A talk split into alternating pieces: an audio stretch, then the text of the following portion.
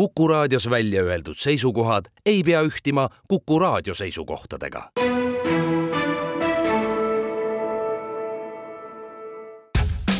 ja nüüd kohe algab Jukuraadio. Juku-Kalle Raidi köögilaua taha ongi juba kogunenud kõikvõimalikud spetsialistid ja muidu toredad inimesed. tore, et sina ka tulla said. häid mõtteid toob Jukuraadiosse Postimehe kirjastus nägin Narvas Mai tänava nurgal armast pildikest. politseinik lahutas kaklust, paksu orikat ja hulkuvat habemega kitse. see on kõik, mida ma Narvas nägin ning võin selle kirjelduse, nagu eelmisegi, lõpetada sõnadega. homme sõidame Revalisse. Jaroslav Hašek tere, hea Jukuraadio kuulaja, imeilusat neljapäeva kõikidele. kes äh, teab või on lugenud, mina tean ja olen lugenud, see on lineaarmatemaatika, meil on neljasaja seitsmekümne neljas Jukuraadio saade.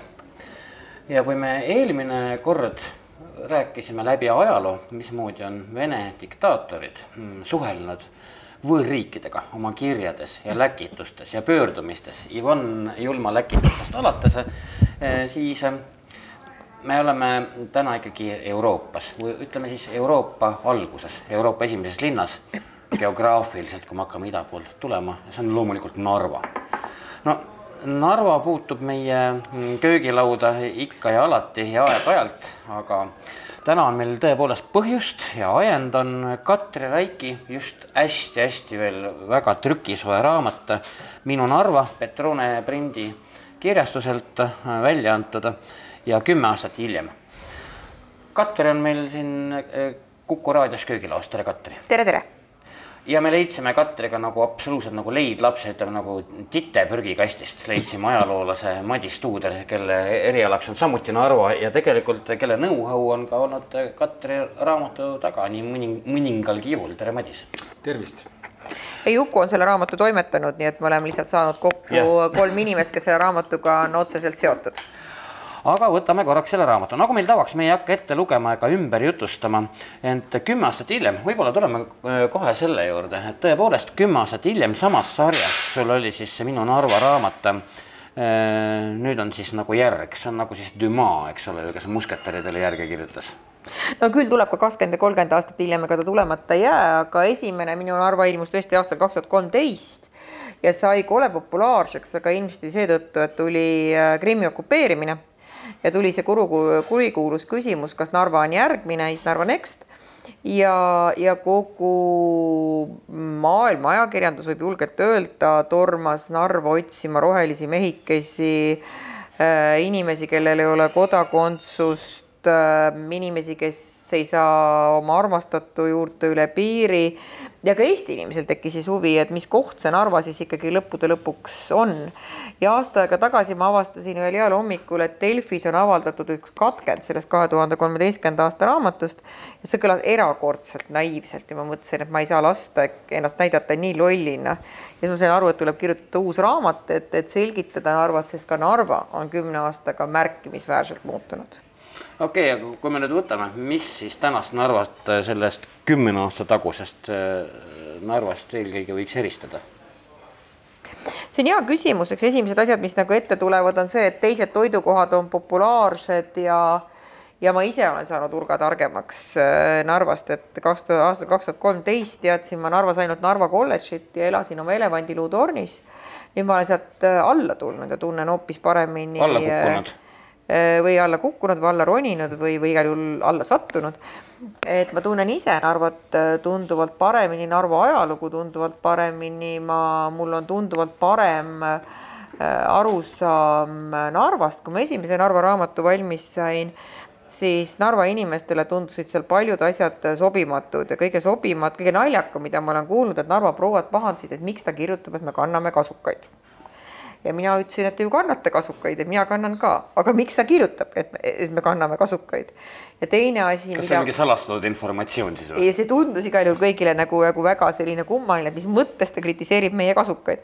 aga teine asi, mille all ma olen kümme aastat kannatanud, on see, et ma kirjutasin seal, et ma ei saa aru, mille pärast mehed mulle tervitades kätt ei anna et sirutad käe välja ja siis pead pärast nagu piinlikult vaatama oma kätt siit ja sealtpoolt, et kätt vastu ei võetud ja kümme aastat olen ma selle all kannatanud, et Narva mehed nüüd mulle alati rõhutatult kätt annavad. Eh, sellepärast, et ma seal raamatus pahandasin, et miks mulle kätt ei anta, vahepeal on must saanud Narva linnapea ja selge, et keskealisele Narva linnapeale, olgu see või naine mm,. tuleb kätt anda. tuleb ikkagi kätt anda, nii et, et tegelikult tegelikult peab ikkagi, ikkagi linn on muutunud alates tema toidukohtadest, alates tema kommetest, aga ma arvan, et muutunud on ka väga-väga palju inimesed. aga fine, äh, kuna me selle Madis Tuuderi juba leidsime, eks ole, ja, sina oled ka Narvaga igapäevaselt puutunud lihtsalt kokku, oma ajaloolase töö tõttu ka, siis äh, räägi parem sellest, mida arvab keskmine narvakas, kui linnapeaks osutub naine noh, seda enam, eks ole, kes on veel kuskilt Tartust äh, ennast ise küüditanud. tõsi, kusjuures ega see on juhtunud meil suhteliselt, meil on küll abilinnapäid olnud naisi, aga täna ma juhuslikult sain kätte raamatu, raamatu Koist, mis on siis Eestimaa Kommunistliku Partei need kohalikud allorganisatsioonid ja nende yeah., nende nagu raamatu Olev Liiviku siis suuresti tema eestvõttel tehtud, mida ma otsisin taga pikalt, sain lõpuks kätte ja seal, kui ma loen nii Narva kui Kohtla-Järve kogu seda jada, siis seal Kohtla-Järve saab esimese niisuguse naislinnajuhi alles üheksakümnendal aastal, Kai Vägemani. et ja ka noh, niimoodi siis parteikomitee esimehena või noh, ütleme niimoodi. et, et tõsi ta on maskuliinsuse, kuigi, kuigi naistelinn ja naistelinna no just nimelt äh, aga siiski linna juhtimises andsid tooni veel kuni Katrini valdavalt ikkagi mehed volikogus oli küll nii ja naapidi, aga, aga noh, nii jõulist prouat ei ole vist jah, linna eesotsas meil olnud, sest lihtsalt ajalugu on olnudki teistsugune, et, et et ega Tallinnaga sama, sama lugu, kui me vaatame Nõukogude aega, kui me vaatame, no Ivi Eenmaa vist oli esimene, eks ole. siin üldiselt võib-olla keegi nii väga seda tähele ei pannud, ma mäletan seda küll. aga mina olen ise tähele pannud, et kõige rohkem tekitab mm, meestes probleemi, et nad peavad mingile mutile alluma ja see kindlasti. no tere, tänan muidugi ütleme see, see kindlasti, vot see on äh, selline omamoodi hierarhia, mis on äh, võib-olla Narvas lööb võib-olla rohkem tõesti välja, et äh, see sooline mm, kuidagi mm, sooli, soolised seisukohavõtud, kasvõi alateadlikult, mõjutavad kindlasti käitumist, et, et ma ei usu, et see niimoodi on näiteks Tartus ja Pärnus sellisel kujul, aga ka seal kindlasti seda esineb Narvas kindlasti see veel on teema, et ma mäletan, kui Katrin Narva tuli, me ei olnud veel siis tuttavad, aga, aga oli küll neid, neid selliseid, kuna ta oli noh, võõras tüdruk, ütleme, teisest linnast, kusagilt hästi kaugelt välismaalt, siis suhtumine oli Katrisse küll selline, et, et mis see võõras tüdruk siin meie linnas laamendab või, või, või noh, siis kui hakkas juba kolledži üldse noh, kolledži ülesehitamine pluss siis veel füüsiliselt selle uue maja ehitamine, et siis loomulikult oli neid kohalikus ajakirjanduses ka neid repliike just niisugustest meessoost isikute poolt, et, et kuidas on võimalik, et keegi tuleb ja hakkab meil siin maju ehitama. ja on veel võõras tüdruk. ja on veel võõras tüdruk, eks ole, mida ta alguses oli kahtlemata no Katri, kuidas sa seda Madise võõra tüdruku mm, teooriat kommenteerida? no vaata, see on ikka see, et ma olin siis lihtsalt noor äh, eestlane ja naine, eks ju, ainult üks läheb elus üle, nagu ma palju korda olen öelnud, eks, et eks see äh, eestlane ja naine on ikkagi läbi nende aegade jäänud, aga nagu sa isegi mäletad, tegelikult see juhtus su endaga, Juku, et et keegi küsis su käest õlleraha ja siis vist sa ise ütlesid, et sa tunned Katri Raiki, öeldi, et ta on täitsa normaalne inimene, aga näed, tühi on Tartus sündinud. ja ma et selles, ei vasta ebatõele üldse, täpselt nii juhtus. ega ma arvan, et samamoodi on ilmselt Saaremaal, eks ju, et, et ega see Eesti sellistes erinevates otsadeks omaks saamine on ikkagi läbi, läbi mitme põlvkonna, et eks see ole olnud üks selline keeruline tee, aga, aga eks, eks minagi olen enda käest küsinud, et, et miks ma nüüd siis sellises kohas olen, nagu ma olen Narva linnapeana. Et tegelikult iga aastaga muutuma rohkem sellise keskmise valija nägu ja Narva keskmine valija on niisugune viiskümmend pluss proua, et no mina olen natuke vanemgi, et selles mõttes äh, ma arvan, et minuga on äh, vahest isegi tänasel sellisel tuumikvalijal Narvas kergem samastuda, ehk teisisõnu, me ise muutume, vastates su endise, endisele küsimusele või esimesele küsimusele, mis Narvas on muutunud, me ise oleme ju muutunud ja, ja, ja see on, on paratamatu, et ma arvan, et, et tegelikult ähm, sobibki Narva linnapeaks praegu äh, naine paremini, kes siis peab seda naiste linna kuidagimoodi koos hoidma ja karjatama. no teine asi veel, Katri, et, et me, me põhiliselt, võib-olla mitte põhiliselt, aga igal juhul tooni annavad äh, puhuti. Niisugused uudised jälle äh, üritatakse Katri Raiki umbusaldada, no, no see on nagu enam-vähem iga kuu või paari tagant tuleb niisugune mm, stammuudis, eks ole. Et keegi on võtnud äh, mingi sõrgkangi ja üritab sind nagu naela siis laudseinast eemaldada no see tähendab seda, et need asjad, mida ma olen püüdnud teha, on hinge läinud, eks ju, või nad on olnud, äh, olnud mingisugusel viisil muutvad ja ma arvan, et, et äh, Narva, mis ongi ikkagi viimastel aastatel olnud väga suurtes muutustes, äh, tankid, tänavanimed, eestikeelsele õppele üleminek, eks mälestusmärgid, tänavanimed ja eestikeelsele õppele üleminek on, on kolm viimast asja, mis likvideerivad lõplikult Nõukogude Liidu Narvas Äh, ongi väga karm, et seetõttu, et seda linnapead põhi, kogu aeg umbusaldatakse, on tegelikult asjade normaalne käik ja selles ei ole mitte midagi imelikku. aga ükskord on see umbusaldus jõudnud ainult ka siis volikogu saali ja ükskord on ainult kätt tõstetud, ülejäänud aeg on olnud see jutt eks ma olen tegelenud. no eks see... ajakirjandus korjab hea meelega üles ka, et jälle jälle sahiseb, jälle sahiseb, jälle on nad Katri ja... nagu viineri keema pannud. ja no ega siis viimasel ajal enam vägagi isegi ajakirjandus üles ei võta, aga, aga ma arvan, et, et niimoodi kestab see nii kaua, kui mul linnapea õnnestub olla.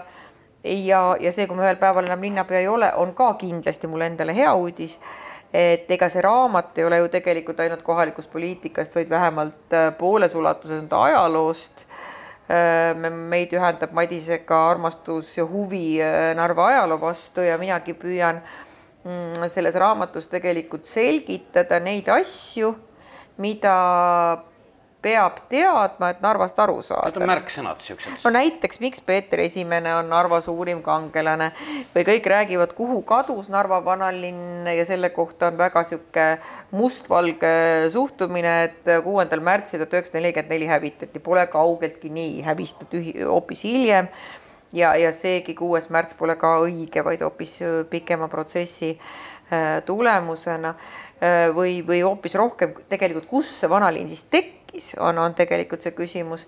ja ma püüan selles raamatus armsaks rääkida Narva inimestele armsaid kohti, sest igas linnas on, mina, kui ma lähen kuskile teise linna, lähen alati turule, Narvas küll sellist turg, turgu pole, et, et saada sellest linnast aru, et, et mina otsin neid kohti Narvas, püüan tutvustada neid kohti, kus näeb päris Narva inimesi, kui sa Narva tuled, mitte et lähed siis ühte restorani või teise restorani ja nii ongi ja, ja minu või... eriline armastus on Kreenholm, mida ma püüan ka selles raamatus armsaks rääkida. ja mistõttu me jõuame paratamatult jälle naisteni, et no Madis, sina oled ka kirjutanud äh, raamatu äh, Kreenholmist, me võime selle naiste linna koha pealt väikese kõrvalepõike teha küll, et me tuleme Katri märksõnade juurde, äh, Katri Minu Narva uue raamatu märksõnade juurde tagasi, aga jah, naiste linn, meeste paradiis ja naiste linn, ajaloos on mitu korda nii juhtunud on küll jah, et siin mõned aastad tagasi Narva muuseumi töötajatega kahas sai välja antud siis äh, üks raamat, mis käsitleb Kreenholmi manufaktuuri ajalugu.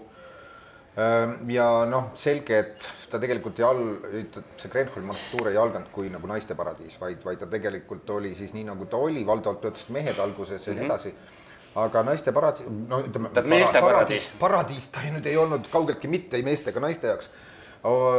see, see olukord tekib pärast sõda, kui, kui neid äh, nii-öelda sobivas vanuses mehi Äh, ei ole meeste põud defitsiit Nõukogude Liidus, eriti veel tühjaks evakueeritud linnades, mis seal, mis on ka maha pommitatud, äh, kus on suhteliselt kehvad elutingimused ja nii edasi, lihtsalt tuuakse noh, piltlikult öeldes vagunite kaupa või rongide kaupa vene lastekodudest noori tüdrukuid, kes on lihtsalt nii-öelda üle jäänud ja keda on võimalik tööle panna viisteist, kuusteist aasta vanuses. ja need moodustavad siis selle esimese ešeloni Narva tsiviilelanikest. sinna kõrvale olid alguses veel Saksa sõjavangid, aga need lähevad mingil hetkel tagasi siis oli asi veel hästi, aga, aga noh, siis, siis tekibki see naiste linna kultus, kuna mehi ei ole, mehed tulevad siis, kui järgmine põlvkond poisse peale kasvab, kes sõjas pole käinud, eks viiekümnendate lõpul. ja, ja noh, neid legende Narva naistest viiekümnendatel, kõik Raimond Valgre Narva valsini välja ja, ja kõike muud, neid on nagu palju-palju, neid ei jõua rääkida, aga, aga jah, viiekümnendatel tekib see naistelinna kuvand. ja, ja tõesti neid Kreenholmis, neid naiste masse, kes siis tulid vahetuse lõpus või vahetuse alguses läksid sisse, kes olid siis seal toonasel Lenini prospektil Joala tänaval, kes ummistasid siis seda pääslat. noh, see, see vaatepilt oli muidugi võimas, seda, seda, seda ei näe, sest töötasid seal tuhanded ja tuhanded inimesed. et vot selleks, aga, aga lisan veel juurde, et, et, et kui Katri rääkis siin, et ta käib turul ja kaubanduskeskustes, kus näeb Narva inimesi, siis see on jumala tõsi. Äh, ka mina olen, olen selle, seda meelt ja, ja, ja seetõttu, et Narvast nagu või selleks, et Narvast üldse aru saadagi, tulebki sõita kas ühistranspordis või siis käia ühissaunas ja, ja seda viimast teen ma arvestan eriti küll Jan-Arvo Jeesus, aga seda koos siis Narva inimestega, kes seal tegelikult käivad, Narvas ühissauna kui sellist ei ole hetkel. aga no Madis ütleb mulle, et naiste ühissaun, see pole üldse päris see, aga meeste ühissauna mind ei võeta, vaid kas Madis teab, mis naiste ühissaunas on, eks ju. ma pole naiste poole peal käinud, kahjuks mind sinna ei, ei ole võetud mitte poole peale, aga nad on samas kohas eri aegadel lihtsalt.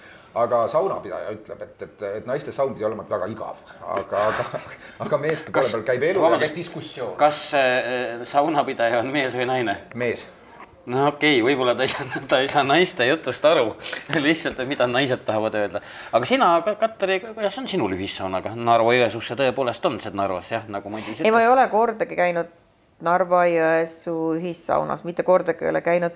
ma Narvas olen tahtnud minna, nüüd Narva saun on kinni, aga siis ütles Madis, et see mulle ei sobi, et ära ikka mine.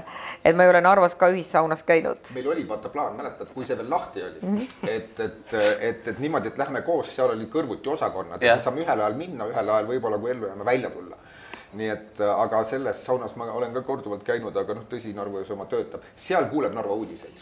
selles mõttes, mida mehed räägivad ja seal saab ka aru, aru, kuna jah, mõni või üks või teine teema, eks ju, ära sureb, et me oleme sinuga seda rääkinud, et kui me möödunud aasta augustis ja septembris arutati, kes on süüdi, Kaja või Katri, siis, siis aastavahetusel enam ei arutatud, et eh, see puudutab siis tanki äraviimise lugu, et aastavahetuseks oli see eh, teema surnud, et tõsi, et saunas ja turul kuuleb ikka tõde, aga ma arvan, et, et veel üks koht, kus Narvas äh, ikka üsna hästi teada saab, mis, mis, mis toimub. taksojuhid räägivad ka taksojuhid... kuulutavat tõde pidevalt. ei, Narva taksojuhid on, on absoluutselt, absoluutselt äh, eraldi teema ja, ja promenaadil jalutamine on ka eraldi, eraldi teema. ma püüdsin teha hommikuti kepikõndiga, see on nagu see kell seitse on võimalik, aga kell kaheksa ei ole võimalik, seal kell kaheksa tulevad inimesed juba juttu ajama ja siis jääb tööle kapitaalselt hiljaks et selles mõttes on ka Narva inimene teistmoodi, et ta võtab sul ka poes, eks ju, nööbist kinni ja küsib oma küsimuse ära ja samal ajal vaatab huvitatult, mis sul seal korvis täpsemalt on. ahah, ta teeb nagu ikkagi ostukorvi tšeki ära, mida ei, revisjon on täielik, revisjon on täielik, jah kuule, Katri, on sul õrna aimu, kes sind hakkas, kes sind hakkas, hakkas Narva tankiks kutsuma, sest et seda ma olen nagu mitmes kohas Narva ja ma arvan, et see Katri, juht... Katri hüüdnimi on Narva tank. ja ma arvan, et see on teil siin Tallinnas, et Narvas mind ikka keegi keegi niimoodi keegi tankiks ei kutsu ei, ma arvan, et see on teil mingi Tallinna nali. mis sina arvad, Madis? mina ei ole ka kuulnud, et Katrit Narva tankiks nimetatakse. vot siis, kui see maha läks, oli tegelikult kuusteist august, mäletan seda päeva eredalt. kes meist ei mäletaks? tulin puhkuselt ja esimest päeva olin tööl kuusteist august ja siis oli kohe käsk linnapea kabinetti, see selleks. aga, aga siis ei osatud midagi veel rääkida need esimesed päevad, sellepärast šokk oli päris suur kohalikel mm. -hmm. ja isegi Peetri platsil, kus meil mitu monumenti maha läks, siis seal inimesed ja noh, seal oli tohutult palju igasugust erinevat vilkuvat tehnikat, siis inimesed, kui ma sealt mööda ja läbi kõndisin, siis äh, palju rahvast ei olnud, aga inimesed olid totaalselt tardunud mm, -hmm. kes olid seal väljakul, sest et äh, noh, tankist oli juttu juba varem olnud, aga see, et kõik ülejäänud ka lähevad noh, tõsi, mitte päris kõik, aga, aga valdav osa siiski nendest väga nähtavatest asjadest, siis see tõesti tekitas inimestes sellise asja, et noh, nädal aega oli, ma läksin ka, ei, see oli, millal ma siis jälle sauna läksin, eks ole, siis seal oli ka niimoodi, et oli vaikus, natuke hiljem hakati rääkima alguses oli šokk suur lihtsalt? küllaltki jah, seda oli tunda, et inimesed ei saanud aru, mis toimub. tanki osas oli nagu ettevalmistus olemas, aga ei usutud, et see tuleb. vähemalt päris paljud, kellega mina olin suhelnud arvati siiski, et see jääb paika, tehakse mingi kompromiss või siis, või siis, või ei, noh, ei linn ega riik ei, ei, ei taha otsustada või ei julge otsustada. no tegelikult see jutt oli kaks tuhat seitse, kui oli pronkssõduri sündmused mhm, Tallinnas mm, -hmm, see jutt oli kaks tuhat neliteist. et see on nagu üldiselt Eesti äh, poliitika olnud Narva ja meie venelaste suhtes, et ega räägitud on rohkem kui tehtud, et seetõttu mina sain sellest ehmatusest küll nagu aru inimlikult, et et nüüd lõpuks tehti ära, et mis nüüd juhtus, eks ju, sama on praegu eestikeelsele õppele üleminekuga, et ma olen kogu aeg üllatunud, kui ma kuulen veel Narvas räägita-, räägitavat, et võim vahetub, ma esialgu mõtlesin, et linnavõim vahetub, no see on loogiline, aga selgus, et, et riigis pidi võim vahetuma, aga ma saa täpselt, kuidas pidi aru, et, et kuidas seda eestikeelse õppe lugu saaks nagu tagasi pöörata.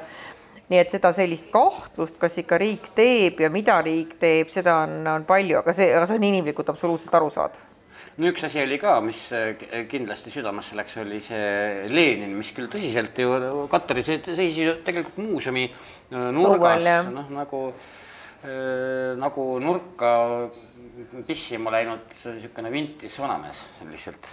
jaa, aga eks, eks Lenini äraviimine ei olnud tegelikult üldse nagu väga suur sündmus, et see ikkagi, eh, mina naersin, et see puudutab eh, kolme meest Narvas, kaks nagu ajakirjanikut, ühel käskis lugu teha Tallinn, Tallinna toimetus, teisel oli mingi isiklik asi selle Leniniga, kes arvas, et ma peaksin isiklikult autole ette minema Hüppama. seisma ja sõna tõsises mõttes lihtsalt, lihtsalt, lihtsalt nagu kaitsma, eks ju, Leninit äraviimise eest ja kolmas oli üks kohalik poliitik, kes adus selles, kellel on Lenin südames, eks ju, kes adus sellest poliitilist kasu.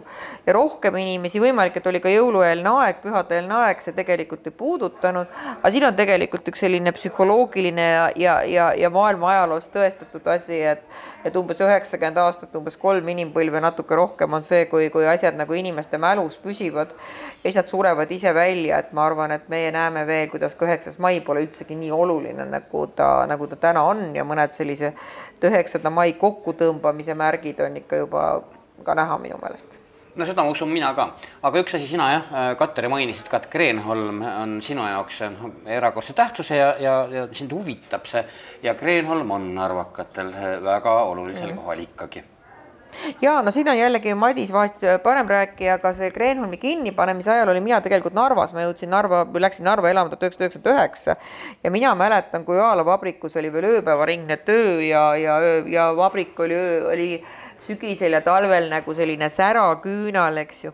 Ma mäletan ka, kuidas ma seal esimest korda sees käisin, nagu ehmatanud ma olin, kui ma ühe veesahmaka vastu vahtimist sain, sest tegelikult nagu tavalise umbes sellise veesahmakaga suruti maha seda äh, puuvilla äh, Äh, tolmu ketruses, aga see kokkutõmbamine, selline saba lõikamisviisil, võimalik, et see hoidis ära suuremad vastuhakud. Äh, vaevalt, et keegi Tallinnas pani tähele, et, et tuhanded kangrud olid tänaval, eks ju, et toimusid, toimusid äh, miitingud ja lõpuks ei ole sellest Kreenholmi kinnipanemist üldse nii palju aega mööda, kaks tuhat kümme, kolmteist aastat tagasi aga kuna see tõesti toimus jupp-jupp haaval, inimesed läksid ka pensionile, siis on, on endiselt oluline, tihti ütlevad Narva inimesed, et me ei taha Kreenholmis mitte midagi muud kui tööstust, aru saamata, et tööstust ei tule Kreenholmi enam mitte, mitte kunagi aga, aga Kreenholmi valu on jah olemas ja öeldakse, et tähtis on see, et rohepööre ei pöörduks tekstiilipöördeks, eks ju. ehk teisisõnu, et jälle ei oleks suurt töökohtade kadu, et jällegi mina saan Narva inimeste hirmust väga hästi aru ja ma lisan juurde selle Kreenholmi puhul, et muidugi tal on sümbolväärtus hästi tugev, sellepärast et et seal on lihtsalt tohutud massid töötanud, umbes kaheksakümnendatel pooled tööealised Narva naised töötasid Kreenholmis mm. -hmm. et noh, kujuta ette seda proportsiooni. ja siis äh, ja, ja tõesti õnneks oli see, et äh, kaheksakümnendate lõpul, sealt saadi ju viiekümnesed pensionile, kes töö, tootmises olid, et äh, massiline pensionile minek Narvas hakkaski kaheksakümnendate lõpul, üheksakümnendatel, kui see uus põlvkond, kes Narva asustas oli siis just selles vanuses ja see päästis väga palju asju Kreenholmi puhul ka ära, sellepärast et ta ei olnud kaheksakümnendatel, ei olnud Kreenholm enam noorte Narva naiste seas nii populaarne koht, kuhu minna mm,. sest et selline ta lõhnas ikka sõjajärgse tööstuse järgi no,, olgem ausad. raske töö ikkagi. raske ja must ja tervist kahjustav töö ja mis iganes need privileegid ei olnud, siis noh, enam nii ahvatlevad. ja ütleme, et sinna see kaader, kes üheksakümnendatel siis järk-järgult viiesaja ja tuhande kaupa läks, olid tegelikult pensionieelikud või pensionile minejad või pensionil olijad juba. ehk siis see päästis suurematest kataklüsmidest Narva ära. kui nad oleks korraga see kaksteist tuhat pidanud minema, no see oleks tohutu jama olnud, sest mis juba üheksakümnendatel olid need Narva, need, need ka niisugused nooremad naised olid tegelikult tihtipeale pere ainukesed toitjad mm. -hmm. sest mehed olid läinud Baltiietsist massiliselt minema, muudest mööblitööstus Narova, eks ole, kombinaat, siis muud väiksemad tööstused, ehitusmaterjalide kombinaadid, kolm tükki, kõik kukkusid, no üks neist väikse jupiga veel töötab. et äh, tohutult meeste töökohtade kadu üheksakümnendatel, naistel oli töö. Ja nad hoidsid siis oma neid mehi ja siis oma neid noh, järeltulijaid ka nagu tegelikult selle väikse Kreenholmi palga liinil, elus see oli tõesti päris paljude inimeste jaoks valus ja teine ikkagi see, et, et, et väga selgelt on ka vene traditsioonis või meie vene traditsioonis just kombeks aidata oma sugulasi või või ka tõesti tädipoegi, onutütreid ja, ja niimoodi jäid nagu terved perekonnad või terved suguvõsad jäid tööta, eks ju, et see oli nagu selline totaalne tööta jäämine. ikkagi üsna äkiline muutus siis päris Väga päris, oluline päris muutus, väga oluline muutus, jah. Väga oluline Ja kui muutus. sa oled elanud sellises linnas, mis on tööstuse kultusega, mingisuguse No, töökultusega. see on ju ehitatud niimoodi. ehitatud niimoodi ja mehitatud ka niimoodi, Jah, jah, et, et selliste inimestega, kes, kes noh, usuvad naiivselt siis mingisse lõputusse töösse ja siis sellesse samasesse vabadesse äh, puhkepäevadesse ja kõike, kõike seda, nii nagu elu nagu peaks käima niisuguses linnas ja et sul on mingid preemiad ja siis on sul mingid autoostuload ja vaibaostuload näiteks. et, et selge, et sellel inimesel oli öö, väga raske minna üle siis sellesse kapitalismi või turumajandusse või aru saada sellest, miks toimuvad sellised koondamised. Aga minu see Kreenholmi armastus on tegelikult seotud sellega, et, et inimesed tulevad Narva, tahavad kohutavalt näha seda, mis on äh, seal tara taga või mis on siis need viis äh, no Kreenholmi linn nagu ikka ja aga, aga mina, mina, mina, mina armastan väga seda, mis on seal ümber, mis on meile igale ühele, eks ju, jalgsi läbikäidav ja ma olen kirjutanud selle kohta ka ühe ekskursioonimarsruudi, mis kohe peaks saama QR-koodiga läbitavaks selle kuu lõpus. et seal on arestimaja, kellatorn, küpsetuskoda, siis seal on äh, tööliste elamud, meistrite elamud, direktorite elamud, äh, no ma mingi va- haigla oma haigla, sünnitusmaja kogu elu jah et seal on kogu elu ja see on alles ja, ja see on umbes üle kolmekümne, eks ju, ajaloolise hoone. nii et seda tasub, tasub vaadata hästi palju hästi ilusaid detaile. Narva haigla on kindlalt Eesti kõige ilusam juugendhoone, absoluutselt kindlalt. just tähistasime saja kümnendat aastapäeva, see oli eelmisel nädalal.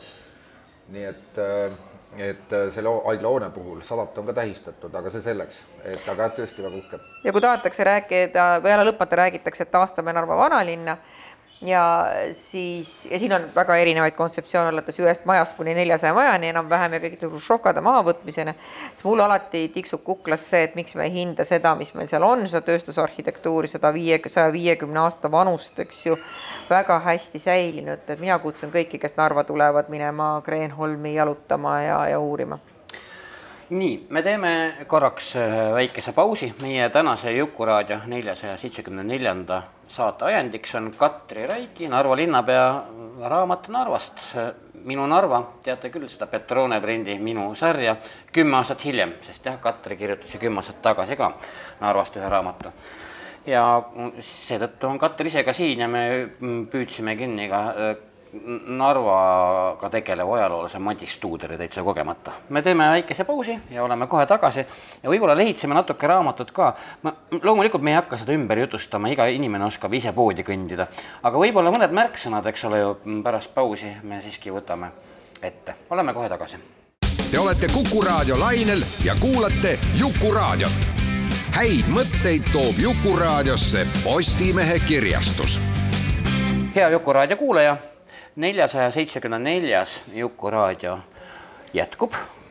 kuku klubis on meie köögilauda potsatanud Narva linnapea Katri Raik, tõepoolest ikka päris mitmendat, mitmendat korda selle saate väga lühikese neljasaja seitsmekümne neljanda numbri ajaloo jooksul. Ja siis Madis Tuuder, kelle me, nagu ma ka esimeses plokis ütlesin, me leidsime nagu prügikasti visatud imiku Kuku klubi eest ja päästsime ta ära ja tõime siia Narva ajaloost rääkima.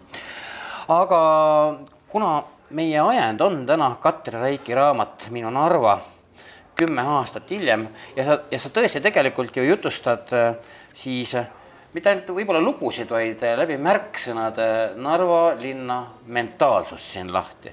no me võime siin rääkida paljudest erinevatest just nimelt märksõnadest, mis siis tegelikult ju sujuvalt saavad Narva puhul üheks tervikuks.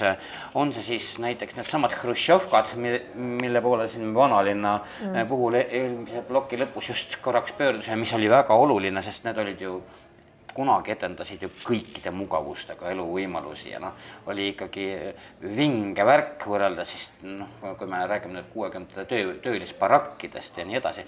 kas ma ei tea nüüd, kumb sina, Madis, vast tead, kas Narvas ongi, Narva on vist selline, kus on neid Hruštšovkasid, et Nikita Hruštšovi äh, katse-eksitusmeetodil ja ütleme, odavalt teha püüdnud maju koguseliselt vist kõige rohkem ma kardan küll seda. ma arvan, et noh, kogu see, kogust ma tean täpselt, mis seda, selle maja ükssada kolmsada, üks kolmsada seitseteist, eks ole. no see on selle, see projekti number, eks ole. projekti number, see, mida meil on ju üle Eesti täis, Narvas on umbes sada kakskümmend äh, eksemplari seda äh, tehtud, ma ütlen, et pro proportsionaalselt vist jah, aga selgelt arvuliselt on neid rohkem Tallinnas ja, ja, ja Tartu neid nii palju ei saanud et aga noh, Narva no Narvas nad annavad ikka kõikjal tooni. nad annavad kõikjal tooni, eriti kesklinnas, et, et seda küll jah. ja siis on veel hilisemaid sihukesi asju, mis on ainult Narva jaoks ongi projekteeritud. aga noh, need on juba siis sellised moodsamate normatiivide järgi. okei okay., kuna see Hruštšovka oli lihtsalt mingil moel loogiline jätk, kuna nad tõepoolest asuvad siis kunagi seal siis äh, noh, ütleme Rootsi aegsel niisuguse äh, noh, barokse vanalinna, äh, endise vanalinna territooriumil, siis läheme hoopis mingite teiste märksõnade, sõnade juurde, et Katari äh, kuna mõnes mõttes see sinu raamat koosneb märksõnadest, siis mis sa siit esile tahad tuua? kohe ei ütle selle Hruštšovka juurde korra, et ma olen siin kasutanud päris palju tegelikult inimeste mälestusi, mida on Narva kolledži üliõpilased kogunud ja, ja üks äh, teismelisena siis Kulgu sadama hütist Hruštšovkasse ela, elama asunud poiss. me nüüd täpsustame ütleb, korraks et..., Kulgu sadam on siis see Narva veehoidla ääres asuv just, teine Narva sadam Narva jõesadama kõrval ja, ja tema ütleb, et see on justkui New York kui ta kolis Hruštšovkasse elama, see näitab, kui oluline muutus see tegelikult, tegelikult oli. no selles raamatus on juttu tõesti ajaloost. Siin on jutt juttu Narva naistest nii ajaloos kui täna. muide, ma ei tea, kas te olete mõelnud, mehed, et naistel on maailmas hästi vähe mälestusmärke, aga Narvas on kaks naiste mälestusmärki, üks on Amalia Kreitsbergil, üks Püstjoala tänaval ja teine on minu meelest väga lahe arhitektuuriliselt või sellisel kujunduslikult väga lahe mälestusmärk Narva kangrutele, siis streigile, streigile tuhat kaheksasada seitsekümmend kaks, ma kirjutan muidugi eestlastest ja venelastest. seal on karmid tahutud, sihuke traktori näoga naised on seal. ei, mina ei tea, ma vaatasin lähemalt, minu meelest on väga lahedad ja. seal on tegelikult see seal ees on, eks ole, muidugi mässad, et valdavalt mehed toovad yeah., aga kui see sada aastat hiljem pandi, siis tuli sinna paar naise, naise figuur, taga on siis siuksed traktori näoga mehed pigem seal, seal selles pilvekeses, mis on siis sinna taha, naise selja taha tehtud. no jaa, aga naised on seal minu meelest küll piisavalt ilusad ja tegelikult ega tuhat kaheksasada seitsekümmend kaks selle esimese streigiga seal ikkagi naisi ju sisuliselt ei olnud, aga ma räägin muidugi eestlastest ja venelastest, siin on ka lugu, mille pealkiri on Koduloomad, lapsed ja mehed, tohib, ma seda lugu ei kommenteeri. miks? Äh, sellepärast, et te peate ise lugema, ma kirjutasin muuhulgas sellest, äh, miks äh, Narvas on palju üksikuid naisi. Narvas on tänaseks alles kuus ühiselamut ja ma olen nendes ühiselamutes käinud vaatamas, kuidas inimesed seal elavad ja olen avastanud seal üksi elavaid mehi Äh, kelle toas on küll kõik asjad virnas, eks ju, kõik need dressipluusid ja kõik muud asjad ja siis on ka eelmise õhtu õllepudel, mitte viinapudel ja aprillikuus ka veel jõuluehted, eks ju. aga see mees võiks väga vabalt saada puhtaks pestud ja sealt toast välja toodud ja minu meelest saaks tast päris korraliku mehe aga, aga, aga nii et, aga, aga, aga, aga selle ma olen lihtsalt nagu katse-eksitusmeetodiga avastanud. aga ma kirjutan ka näiteks Narva-Jõesuust ja sellest samast Kuulgust või näiteks sellest üheksa tuhandest suvilast, mis, mis Narvas on, mis on täiesti selgelt Narva see on täiesti selgelt Narva kultuuri osa. mai alguses lähevad kõik suvilasse kuni septembrikuuni, istuvad kõik oma. kõige vahvam on see, et suvila, suvila võib olla, ütleme neljasaja meetri kaugusel, noh, no ja võibki nii juhtuda mm, -hmm. et, et päris nagu elukohast. suvilas ei ole ka vett ja kanalisatsiooni, aga vaata, suvilas peab olema, see jääb mulle täitsa arusaamatuks, kuidas sa pead ka vee suvilasse kaasa, kaasa vedama, aga ma räägin ka Narva kõrtsidest, Narva lauludest Eh, kuidas saab silmust süüa teha. Ja muidugi ei saa ma üle tänavanimedest, tankist, Georgi lindist, üheksandast maist, Narva poliitikast. Ja viimane raamatu osa eh, on see, mida on teised Narvast kirjutanud, ehk siin on ära tõlgitud Hašeki essee Narvast, kuidas siis Hašek tuhande üheksasaja kahekümnenda aasta jaanuaris oli mõne aja Narvas karantiinis, siis teel tagasi Nõukogude Venemaalt oma kodumaale. see on väga-väga lahe, lahe lugu ja seda peab ise lugema, kuidas Hašek mäletab Narvast vaid tänavanurgal kaklevat äh, habemega sokku ja siga. suurt siga ja habemega sokku.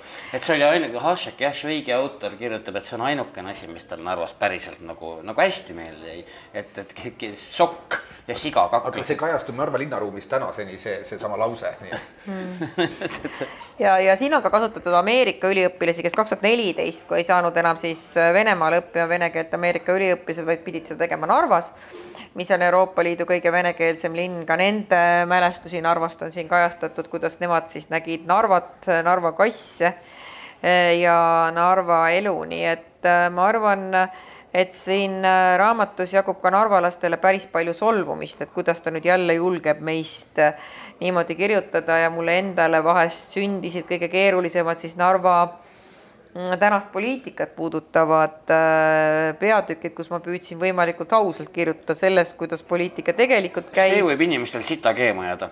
Aga üldiselt, et see, see, mis sa nagu teed tavaliste, ütleme noh, Narva lahutamatu osana äh, märkidega, seal ei ole, no ma küll ei kujuta pilti. näiteks mulle väga meeldib, kuidas sa siis üritad seda narvalase identiteeti tabada, et tegemist noh, tõepoolest noh, et ei ole nagu niivõrd inimesega, kes peab ennast kas venelaseks või, või ukrainlaseks või eestlaseks, sest jumal küll, tõepoolest üle Nõukogude Liidu tuli neid ju mm -hmm. kõikvõimalikke, vaid ta on just narvakas et noh, et, et see on nagu äärmiselt oluline. Aga see- võtab see- seda jube tõsiselt ise sealjuures ja minu jaoks ma olen, ma olen nagu tänaseni seda, sellega har-, püüdnud harjuda, et, et narvalasel on hästi oluline tõesti see kohalik identiteet ja tulebki aru saada, sest Eesti riigi identiteeti arusaadavalt ei saagi olla linnas kus, kus nelikümmend üheksa protsenti inimestest on Eesti Vabariigi kodanikud ja kus iga kolmas on Vene Föderatsiooni kodanik, aga seda, kui tähtis on see oma trepikoda ja oma see koduhoov ja, ja kui, kui kui palju võib rääkida asfaltiaugust oma trepikoja ees või sellest, et mille pärast see naaber ikkagi ära sõidab autoga kuus viiskümmend, et ma ei saa magada, eks ju. et kui palju selliseid, selliseid probleeme on või üks või tänava, täna teine tänavalaten põleb, et ma olen aru saanud teiste eh, linnapeade käest küsida, küsides, et teistes kohtades need teemad nii teravad ei ole on, on tõesti Narva inimeste jaoks oma kodutunne hästi oluline ja minu meelest on see samas hästi tore, sest minu meelest on Narva inimesed maailma kõige kannatlikumad, et ükskõik, mis ka ei juhtuks, et nad ikkagi kuidagi, kuidagi rahunevad maha, pesevad näo puhtaks ja lähevad oma eluga edasi. Ja ma lisan juurde Katrile veel selle identiteedi asjus, miks see narvakal nii tugev on? Ja just see, et, et ta ei samasta ennast ei Venemaaga ega Eestimaaga, et ta on lihtsalt ongi narvakas, see tuleb natuke enesekaitserefleksist no. Et, et just sellised kohad, mis on mitte kusagil oma päris, eks ole. Ju. ja, et mitte kusagil päris oma. Ja nendes linnades, see on mujal maailmas ka kõik läbi nähtud asi või, või, või läbi elatud asi on see, et on mingid uued asulad või mingid uued kogukonnad, mis kunstlikult tekitatakse, mõnikord nad kujunevad ise, aga tekitatakse kunstlikult, siis see, siis see ja, ja teises kontekstis, sa oled oma kontekstist välja rebitud ja oled siis pandud sinna uude konteksti, samastud nendega, kes on sinuga koos sinna tulnud või keda sa siis lood nagu ise järgi. ja, ja, ja selge, et see on enesekaitse, millel väga paljuski see narvaka identiteet just narvakana baseerub mm.. ja, ja see on Narvas hästi tunda, aga see, see pole Narvale ise ainuomane, vaid see on, see on mujal. Siin on huvitav, vaata, kuidas inimesed linnast siia Narva sattusid muidugi ka, eks ole, ja just nimelt, kui me nüüd räägime, et sellest noh, niisugusest nõukogudeaegsest niisugusest töökultusest ja noh, ütleme Nõukogude Liidu ülesehitamise kultusest, mida nagu ikkagi kuuekümnendikud jumala siiralt uskusid, et tean niisuguseid venkusid küll, kes nagu tõesti mõtlesidki, et et vau wow,, et see noh, teha, teeme niisuguse kurat, niisuguse vinge riigi, et meie teeme oma panuse, aga ka Kaarin käib kosmoses ja, ja, samal kõik on korraga ja kõik on tore. Ja, ja siis õhtuti laulame kitarriga mingit, mingeid vahvaid laule köökides, eks ole. Aga Narva inimesed seda reaalselt tundsidki, kes olid kas maha põlenud Pihkva, Leningradi oblasti No mis iganes küladest ja kurat see Hruštšovka korteris oli tohutu ma ühe, ühe koha loen sellest ette si-, si-, si-, Katri raamatust, sest et see on, kuna see identiteediga sobib ja ma panin sinna endale näpu ennem juba vahele, et just nimelt see, kuidas Narva identiteet on tekkinud kohalike jaoks. Ja siin on Katri kirjutab äh, ühest eakast mehest, kes on võtnud oma äh, loo kokku nii, et, et ta noh, läbi Nõukogude Liidu erinevates kohtades töötades ja rännates, nüüd ma tsiteerin alguses ei tundnud üldse väiksemat kirjenevust, muutsin lihtsalt oma soovi järgi geo- geograafilist punkti. Venemaal elasin Moskva oblastis, Oka jõe ääres, siis praegu olen siin, eks ole. no siis ta kirjeldab, et aa siin, noh, tal on ikkagi tekkinud see mingi identiteet, võib-olla see on lihtsalt äh, vanusega, aga kiidab jah, et meri, laht on lähedal, jõgi on lähedal, eks ole ju, veehoidla on lähedal, seened on lähedal ja marjad on lähedal. lõpuks kiidab. töölisi tüll seente ja marjadega elu lõpuks jõutakse järeldusele, et, et kus mul ikka minna on, et ei ja. ole mul enam juuri seal ega, ega, ega, ega, ega mujal. Aga siin on maetud mu mees ja poeg ja see ongi mu kodu, eks ju, et, et see on see elu lõpu kokkuvõte siis oma elu Narvas elanud inimestest. jällegi mina mõistan, sest tõesti need inimesed tulid ja ehitasid sinna varemete peale oma nõukogudeaegse linna eestlasi oli kõige rohkem kuuekümnendatel aastatel, eks ju, linna elanikust, elanikest kuskil seitse, seitse-kaheksa protsenti, kui sinna ka rohkem inimesi suunati. täna on eestlasi viimase statistika järgi eesti keelt emakeelena kõnelevaid inimesi üks tuhat ükssada kakskümmend kaks inimest, paar protsenti. Nii et selline see olukord on, ega peale sõda keegi sinna Narva vahest väga tagasi ei tahtnudki minna, päris kohe peale sõda, sest linn oli ikkagi kapitaalselt et äh, väga raske on pöörduda tagasi ju koju, mis on nagu lihtsalt sodiks tambitud. kus, kus ei olegi kuskile minna tegelikult ja töö on ka ikkagi väga, väga raske. mentaalselt ka, et, et kui noh, et, et sa oled ju oma mingit minevikku üsna ikkagi väga ilusa linna minevikku kaasas kandnud ja siis on seal lihtsalt mingid ahervaremed, ilmselt on kergem minna kuhugi mujale ja proovida. aga minule jättis kustu, kustumatu mulje see, et tegelikult äh, nendel vananarvalastel siis, kes läksid ära nelja, neljandal aastal või kelle siis sakslased saatsid ära umbes paarteist tuhat inimest jaanuaris nelikümmend neli nad läksid valdavalt Tallinnasse. Ja neil kujunes välja väga tugev oma identiteet, et räägitakse, et narvalased käisid veel seitsmekümnendatel aastatel juuksuris ainult narvalase juures ja turul ostsid kaupa ainult narvalase käest. nii et see ikka igaks juhuks, et oma, oma, oma identiteet on olnud väga tugev, minu meelest on see omane sellise rikka ajalooga linnadele, linnadele, et, et ma ka tihti mõtlen, et Narva linnapea olla on ikka hoopis lihtsam kui näiteks Kohtla-Järve linnapea, et seal on, on vähemalt ajalugu ja, ja minevik ja, ja, ja helged ajad, mis sul aitavad siis vajadusel inimesi koondada parema tuleviku nimel. et see on küll huvitav jah, et, et, et no eks ma olen ka igasuguste narvakatega kokku puutunud kaugeltki mitte nii palju kui teie, kuid siiski erinev ja üsna erinevates situatsioonides ja erinevatel kellaaegadel ja, ja, ja nii edasi.